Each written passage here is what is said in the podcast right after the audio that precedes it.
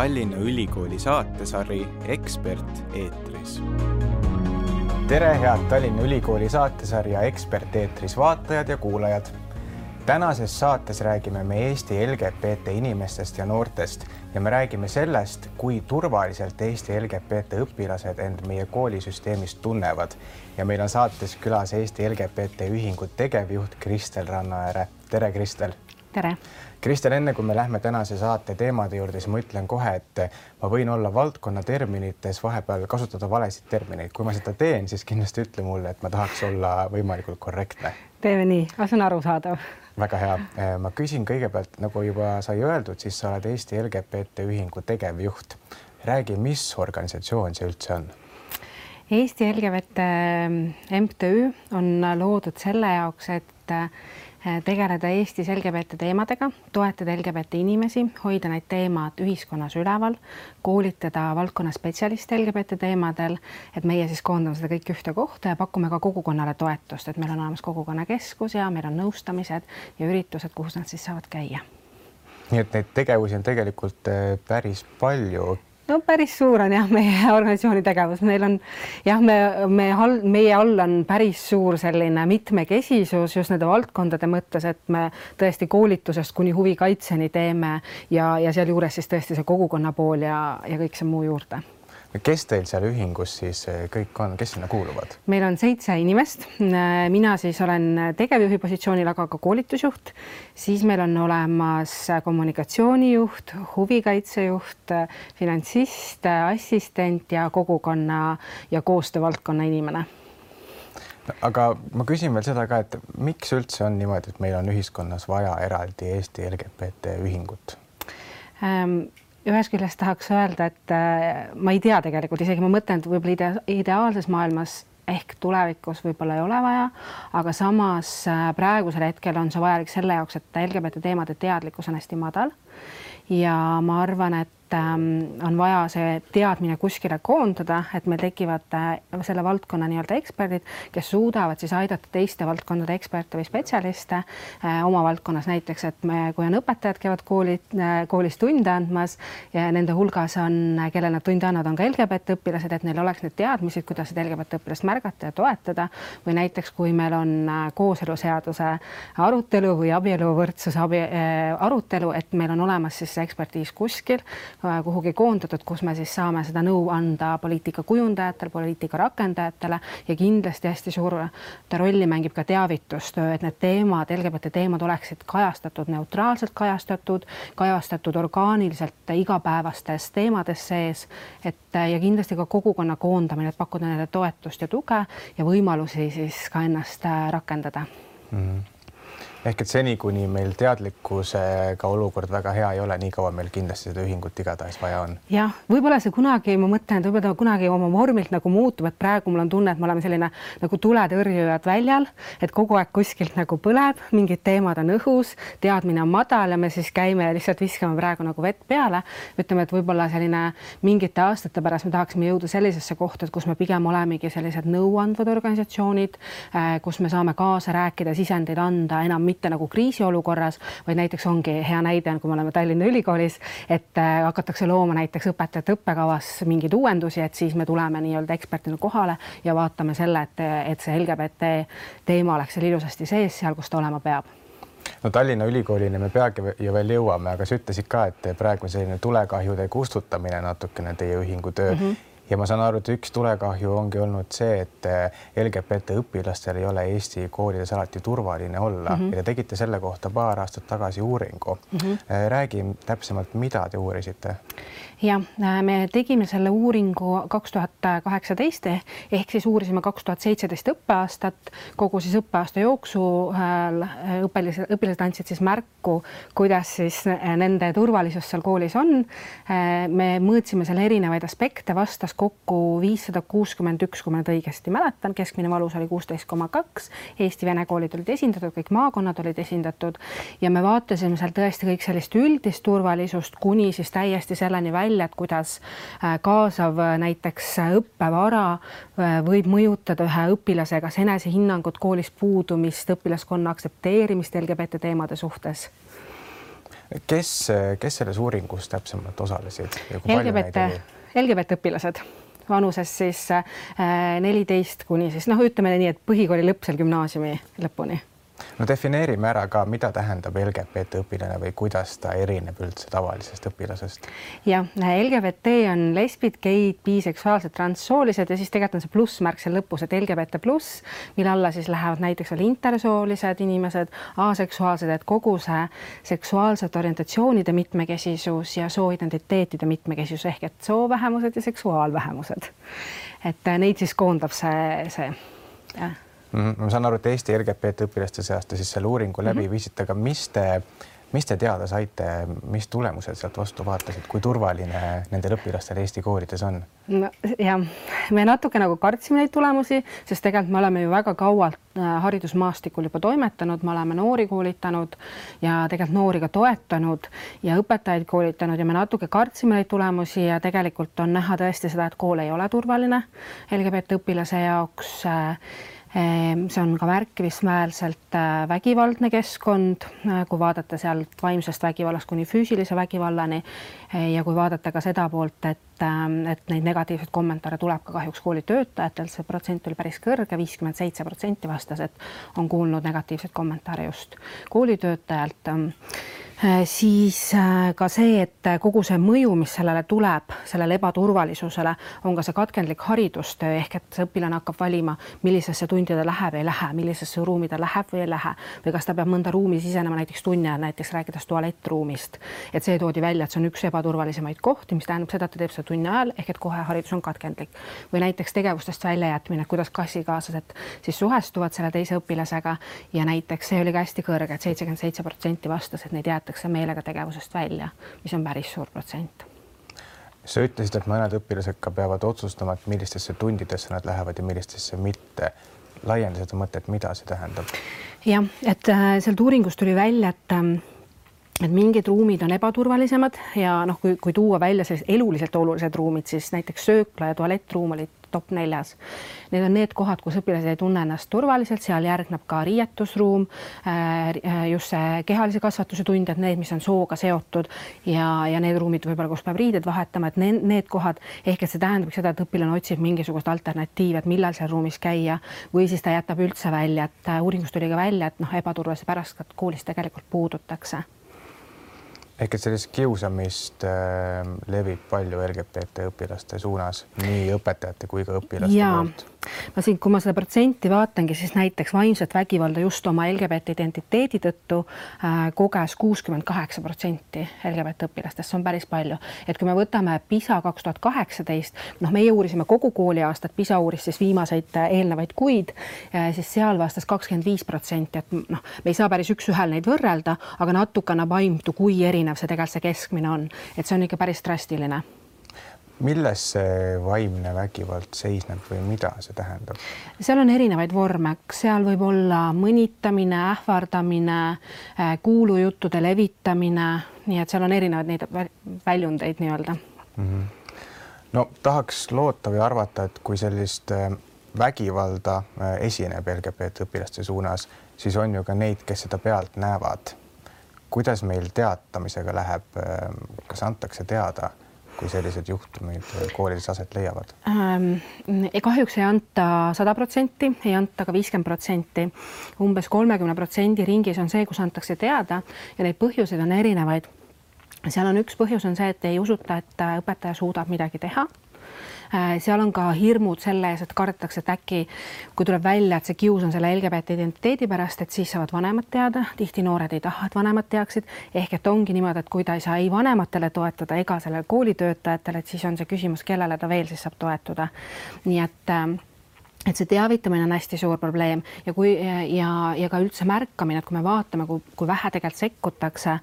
äh, siis äh, ma siin kohe võin öelda, näiteks kui on homovaenulik äh, kommentaar, siis sekkumist alati on koolitöötajate poole ainult kaks protsenti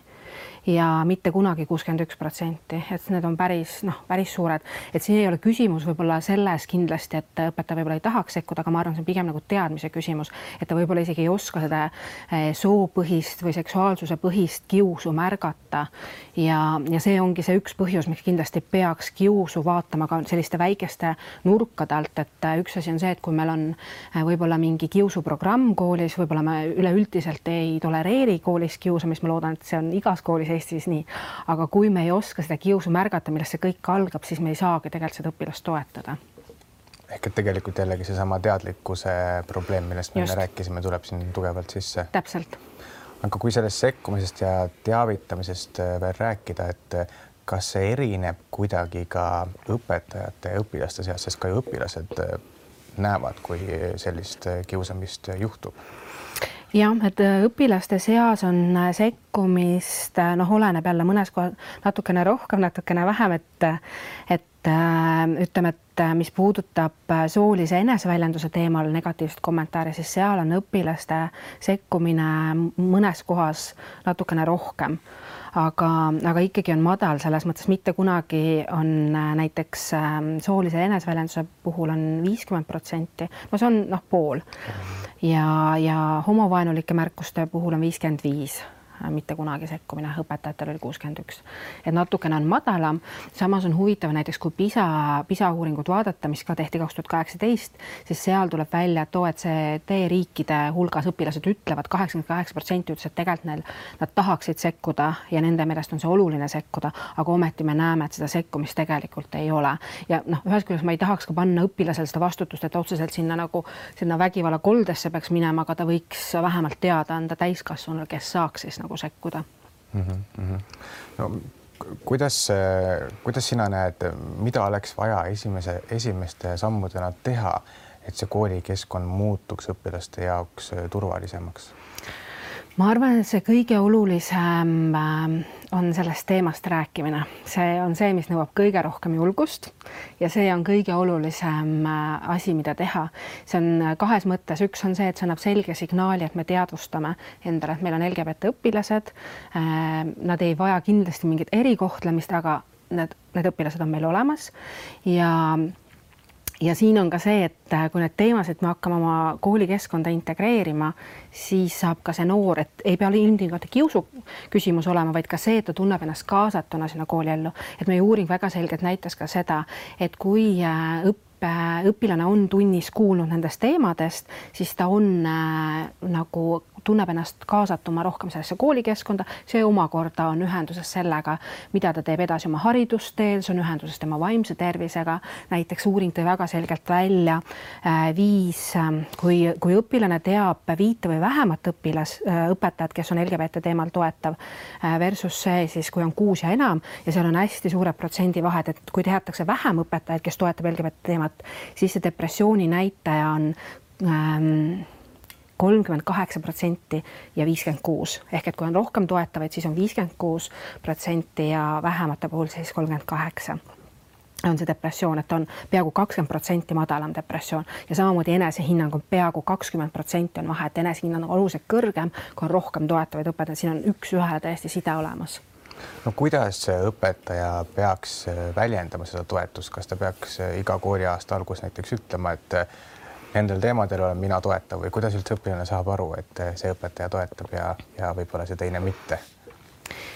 kui jah, õpetajast nagu rääkida, et me saame koolikeskkonnas laiemalt ka nagu mõelda, aga kui õpetajast rääkida, siis kindlasti, mida ta saab ära teha, on, oleneb tema ainetunnist, et kas ta saab seda LGBT-d, kui hästi ta saab seda integreerida sinna, et me oleme hästi harjunud, et, et räägime LGBT teemadest, noh, inimõpetuse tunnis, aga siis see teema jääb ainult sellise seksuaalsuse tasandile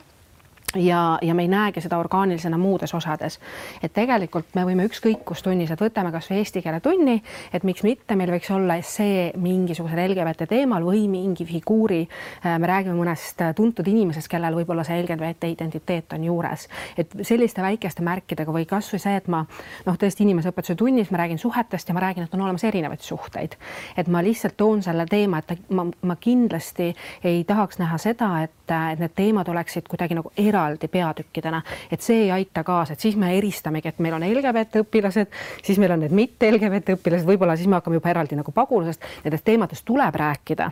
et see on kindel, aga nad peaksid olema orgaaniliselt sees igal pool meie igapäevases, siis me näeksimegi seda teemat orgaanilisena. ehk mul, mul jääb su jutust mulje, et meil on tegelikult vaja ütleme, koolide õppeprogrammidesse natukene sisse vaadata ja seal natukene muudatusi teha, et see oleks ka nii-öelda rohkem kaasavam. Kuidas seda teha või, või mida me üldse tegema peame? Äh, jah, tegelikult juba tänase, tänase, kui me vaatame seda riiklikku äh, õppekava, siis tegelikult nendest teemadest saab juba praegu seal ilusti rääkida, et pigem on küsimus õpikutest, need teemad on seal kas väga vähe kajastatud, mis tuli ka meie uuringus tagasiside, või siis õpetaja lihtsalt otsustab mitte seda kasutada seal ja selleks, et õpetaja saaks seda teemat seal tunnis käsitleda, peab nagu ekstra ise nagu need äh, materjalid otsima, et meie oleme õnneks ka loonud mõned materjalid, mida nad saaksid kasutada. aga see nõuab jah, seda erinevat eraldi nagu otsimist, eraldi seda mõtlemist selle peale. Äh, nii et ähm, et ma arvan, et pigem peaks õppematerjalide poole isegi vaatama, et, et see koormus ei langeks ka õpetajale, sest tegelikult olen, me ootame, et ta nagu räägiks kõikidest teemadest, mis ühiskonnas on. Äh, ja, ja seda, seda ka nagu peale ei saa panna talle, et ta räägib ja siis ta peab kõik need materjalid ots, otsima, aga et oleks kus üks koht, kus saada, et tegelikult seda LGBT-d võiks vaadata kogu sellises mitmekesisuse perspektiivist, et me võiksime noh, hea näide on, meil on kohe kümnendal detsembril tulemas ju inimõiguste päev, suurepärane päev, millal äh, rääkida sellest inimõiguste teemadel ja sealt võttagi erinevaid rakukesi välja, naiste õigused, LGBT ähm,, erivajadus, puue, pagulus, etniline taust, et vaadata sellest vaatevinklist näiteks mm. läheneda sel päeval näiteks koolis teemadele ma saan aru, et te siis ühesõnaga olete mingisuguseid materjale enda ühingus välja töötanud ka koolidele. on teil ülevaade, kui palju koolid neid kasutab? Äh, mitte veel väga aktiivselt, et meie oleme loonud äh, konkreetselt perepäevale, mis on siis, toimub maikuus,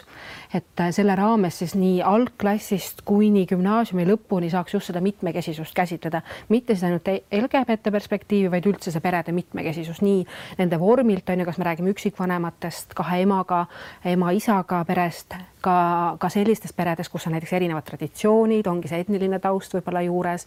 päritolumaa on erinev, et nagu, et sa saad seda hästi nagu laialt, et see kaasamise küsimus on tegelikult laiem, et see ei ole ainult LGBT, et me ju tegelikult ikka veel näeme seda, et, et meil tundides ei räägita sellest, mis ühiskonnas, milline ühiskond nagu päriselt oma igapäevaelus on. No kui ma siin praegu kuulan, siis ma mõtlen selle peale, et, et mida rohkem õppekavadesse LGBT teemasid näiteks sisse viiakse, seda rohkem ilmselt tõuseb ka üks ühiskonnagrupp meil tagajalgadele, sest et äh, nad, nendele tundub, et tegemist on homopropagandaga. mis sa nendele selle peale ütled? Äh, jah, et ma tõesti tean, et see teema tõuseks ülesse. me näeme ka iseenda töös iga päev, et kui me kui me võtame sõna noorte või laste teemal ja hariduse teemal just sellest LGBT perspektiivist, siis negatiivne tagasiside jõuab meieni ja mõnikord isegi nagu päris karmilt, et tulevad nagu täitsa nagu ähvardused. et me näeme, et see on ühiskonnas valus koht. ühest küljest ma saan aru, et nendel inimestel ma tahaks kuidagi uskuda, et need inimesed pigem nagu hirmust reageerivad niimoodi, et see teadlikkus on madal, sest nemad arvavadki, et, et see on kuidagi nagu, et kui me räägime eh, homoseksuaalsusest tunnis on ju, et siis see tähendab seda, et, et see kuidagi nagu mõjutab neid noori neid valikuid tegema, aga kogu meie ühiskond on tegelikult ju ehitatud üles heteroseksuaalsusele ja ometi meil on LGBT kogukond seal, et kuidas, kust nad siis tulid, et nad ei tulnud, et see heteroseksuaalsuse teema ei ole ju neid mõjutanud kuidagi ümber olema oma identiteedis ja see vastupidi toimib samapidi, et see ei ole ainult ühtepidi, et, et me saame inimesi justkui rääkida homoseksuaalseks, aga me ei saa rääkida inimesi heteroseksuaalseks. aga, aga jah, ma arvan, et see pigem ongi see hirm ja ma väga loodan, et see on ka vanemate puhul see armastus, et ma tahan oma lapsele nagu parimat. aga see ongi see, et siis meil on vaja minna siit koolist isegi natukene kaugemale ja see on üks põhjus, miks õpetajad, ma arvan, ei räägi tunnis LGBT teemadest, ongi see järgmine, see lapsevanem. ehk et siit tulebki mängu koolijuht, kes peaks oma õpetajat toetama, et ta nendel teemadel räägiks. Ja kui tuleb lapsevanem, kes seda ei mõista, siis on koolijuht või kooli juhtkond äh, siin selle õpetaja selja taga toetamas teda. Ja et siis koos nagu räägitakse vanematele, et miks nende teemade käsitlemine on oluline ma, ma enne kuulasin sind ja mul oli väga kurb kuulda, et te olete saanud ka ähvardavaid kirju, kas see on tavaline, juhtub seda tihti? Äh, praegu natuke vaiksem aeg, eelmise valitsuse ajal oli see kahjuks üsna nagu sage, eriti mis puudutas laste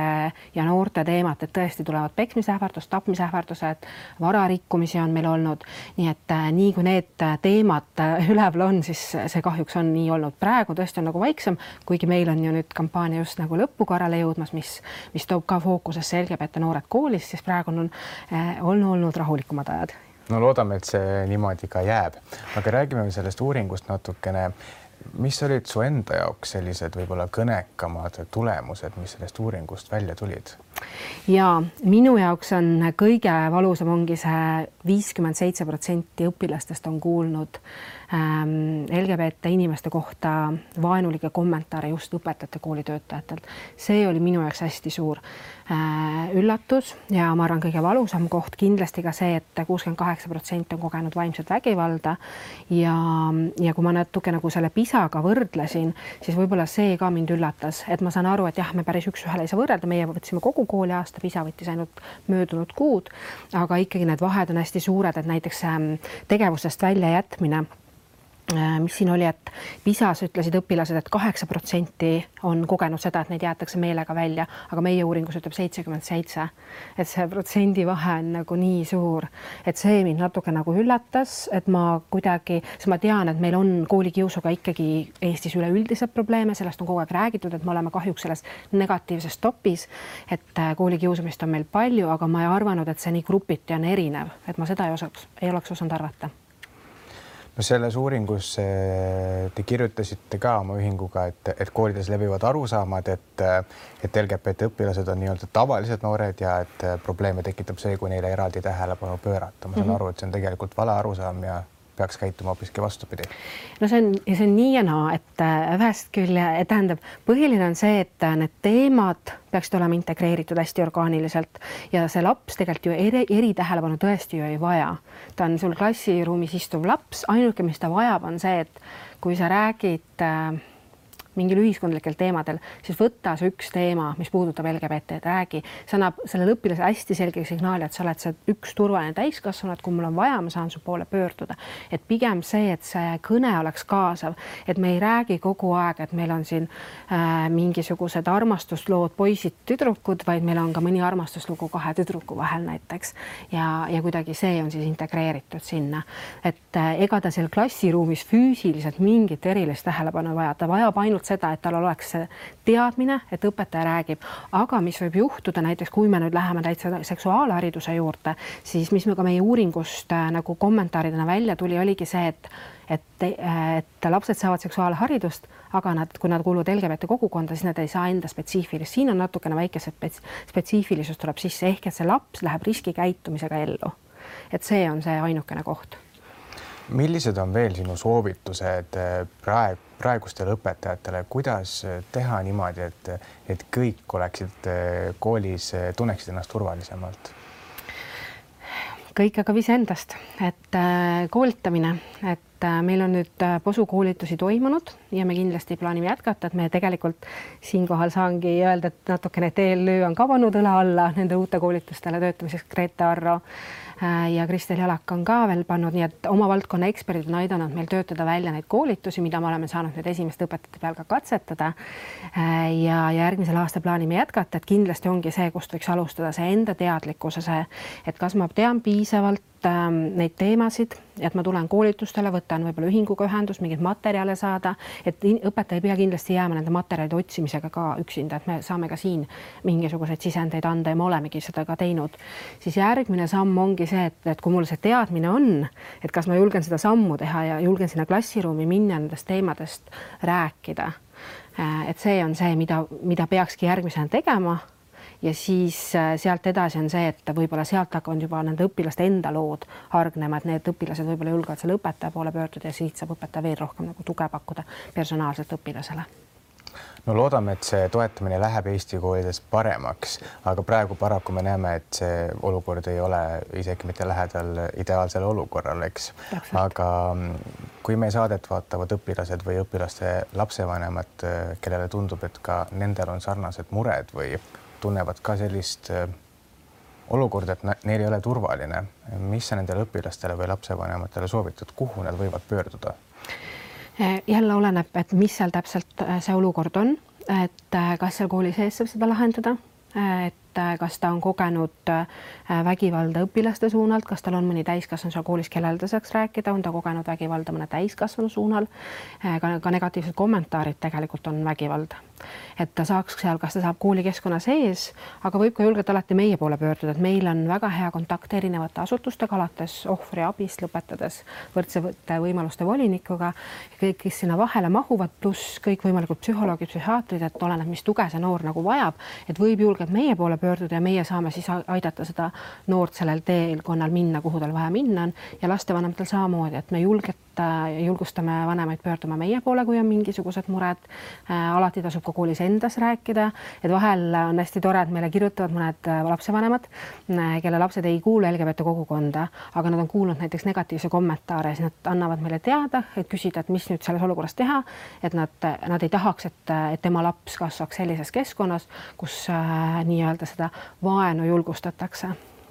ehk et kui keegi tunneb muret ja taha, otsib sellist äh, abi või tuge, siis alati võib Eesti LGBT Ühingu kodulehele minna ja sealt leiab vajalikud kontaktid. täpselt ja siis me saame juba koos edasi vaadata, et kuhu on vaja edasi suunata, kuidas on vaja täpselt aidata no me rääkisime juba enne paar korda Tallinna Ülikoolist ka ja noh, täna me tõesti Tallinna Ülikoolis oleme ja Tallinna Ülikoolist lõpetavad igal aastal palju tudengeid, kes õpetajaks õpivad. mis sa ülikoolile soovitad, kuidas teha nii, et need lõpetajad äh, teeksid seda olukorda meie koolides paremaks LGBT õpilaste jaoks? Tuleb panna tundidesse sisse see, et meil tulevad ikka välja õpetajad koolist ilma sellise Äh, hariduseta, mis puudutab LGBT-d või seda mitmekesisust, haavatavaid gruppe, et see sõltub sellest õppejõust, et me oleme mõningates loengutes isegi käinud, kus ongi õpet-, õppejõud ise on võtnud selle südameasjaks ja ta tahab neid erinevaid teemasid seal käsitleda, aga tegelikult sellest jääb väheks, et see peaks olema süsteemne, see peaks olema üks selline kindel asi, mida õpetajaks õppija saab, kui ta läheb, ennem kui ta läheb kooli. ja see võibki olla laiem selline kursus, et see ei pea olema LGBT spetsiifiline, vaid just selline mitmekesisuse või haavatava grupi, sest meil on ka väga palju teisi teemasid ühiskonnas, mis on üleval, just nagu ma eelnevalt mainisin, paguluse teema on üleval, kindlasti selline äh, rahvuste teema, etnilisuse teema on üleval, et õpetaja oskaks äh, üldse selle noorega, kes talle sinna tuleb, teda nagu toetada, aga oskaks neid teemasid nagu julgelt käsitleda Kristel, meie saateaeg on vaikselt otsa saamas, aga ma tahan väga küsida veel ühe teema kohta paar nädalat tagasi, kui ma ei eksi, tegi Riigikogu õiguskomisjon Facebooki ühe postituse, mis teie ühingule head meelt ei valmistanud. mis see postitus oli? jah, see oli tõesti äh, abieluvõrdsuse teemaline, äh, et see võeti siis laualt maha ja, ja räägiti sellest, et kõigil on õigus abieluvõimelistel inimestel on võimalus Eestis abielluda, et see oli see põhisõnum, mis tegelikult äh, meid riivas ja ma saan aru, see postituse tekst ja pilt äh, asendati mõne aja pärast ära mm. -hmm. et see, see oli selge nagu tagasiside kogukonnalt, et meie tegime oma pöördumise sellele, aga tegelikult ka kogukonnas mitmed teised, äh, kas siis organisatsioonid või üksikisikud tegelikult andsid teada, et see tekst on, on solvav, see on mõnitav, see on alandav ja, ja sellest see muudatus ka tuli ja see, miks ta oli alandav, oligi see, et nad tõid välja selle abieluvõimelise termini, mis mm, -hmm. mis ei ole kuidagi sobiv ja. selles olukorras. jah, et me räägime nagu sellest, et, et kui, kui, kui, kui võtta seda näiteks nagu sõna-sõnalt, et siis, et need, kes äh, on abieluvõimelised, need siis saavad abielluda ehk et mees-naispaarid ja need, kes tahavad oma ka sa, samast soost inimesega abielluda, siis need tegelikult ei olegi abieluvõimelised ja neil seda õigust siis olema ei peakski mm. -hmm. Et kui täiesti sõna-sõnalt seda tõlgendada kuidas teile endale muidu tundub, et kui valmis Eesti riik tegelikult üldse selleks on, et meil see abieluvõrdsus päriselt tekiks niimoodi, et ka samasoolised partnerid abielluda saaksid? Kui me räägime ühiskonna valmisolekust, siis mul on kohe siin see Inimõiguste Keskuse viimane uuring, kus tegelikult küsiti ka ühiskonnalt valmisolekut. Ja kui me räägime kooseluseaduse toetamisest, siis see on kuuskümmend neli protsenti, kui me räägime abieluvõrdsusest, siis see on nelikümmend seitse. Ehk et ühe puhul juba üle poolte ja teisel juhul siis abieluvõrdsuse puhul siis natukene allapoole. et ühiskond, mulle tundub, et on hakanud jõudma juba järgi nii et selle referendumi tegelikult oleks võinud ära teha, mida eelmine valitsus tahtis teha. no vot selle referendumiga on selles mõttes keeruline, et, et siin me rääkisime õiguste äravõtmist ehk et tegelikult piiramist me ei rääkinud õiguste nagu laiendamisest, et sellist referendumit kindlasti olla ei tohi ja teiseks on see ka demokraatliku riigi nagu küsimus, et äh, demokraatlikus riigis enamus ei otsusta vähemuse õiguste üle, et see ei ole see, et demokraatias me võime otsustada, noh, kas me liik-, kas me liitume Euroopa Liiduga, see puudutab meid kõiki. Abieluvõrdsus puudutab ühte väikest gruppi, et kuidas saab keegi väljaspool seda gruppi öelda, et noh, et kas ma annan sulle õiguse abielluda või mitte, et nii see kindlasti olla ei tohi, me teame, et väga paljud riigid on seda teed läinud, sest see on olnud nende noh, võimalus just niipidi see õigus saavutada, aga kõik need riigid on ka öelnud, et see ei ole see viis, kuidas see tegelikult käima peaks, sest kui me kujutame seda situatsiooni kuskile teise, et kas me otsustame, kas keegi saab kuskilt sotsiaalabi või ei saa, on ju, kas keegi saab õigust kuidagi eh, mingisuguseid dokumente kuskil vormistada, me ei räägi kõikides nendes nüanssides kaasa, aga ometi siin me tahame kõik rääkida. ma palun sul lõpetuseks ennustada, mis sa arvad, mis aastal Eestis see abieluvõrdsus päriselt teoks saab see oleneb, mis valitsus meil järgmine tuleb. Aga noh, no kui ma vaatan rahva valmisolekut, siis ma ütleks, et see võiks lähiaegadel tulla, aga kui ma olen realist, siis ma näen seda alles mitte enne kui kümne aasta pärast. aitäh, Kristel, selle väga põneva arutelu eest täna. Ja aitäh ka kõikidele vaatajatele, kes meie saadet jälgisid. mida sellest kaasa võtta, ilmselt kõige olulisem on see, et tuleb märgata äh, inimesi enda kõrval. Ja kui keegi on hädas, siis äh, proovida appi minna. kohtume jälle juba järgmisel kolmapäeval kell neli Postimees tv vahendusel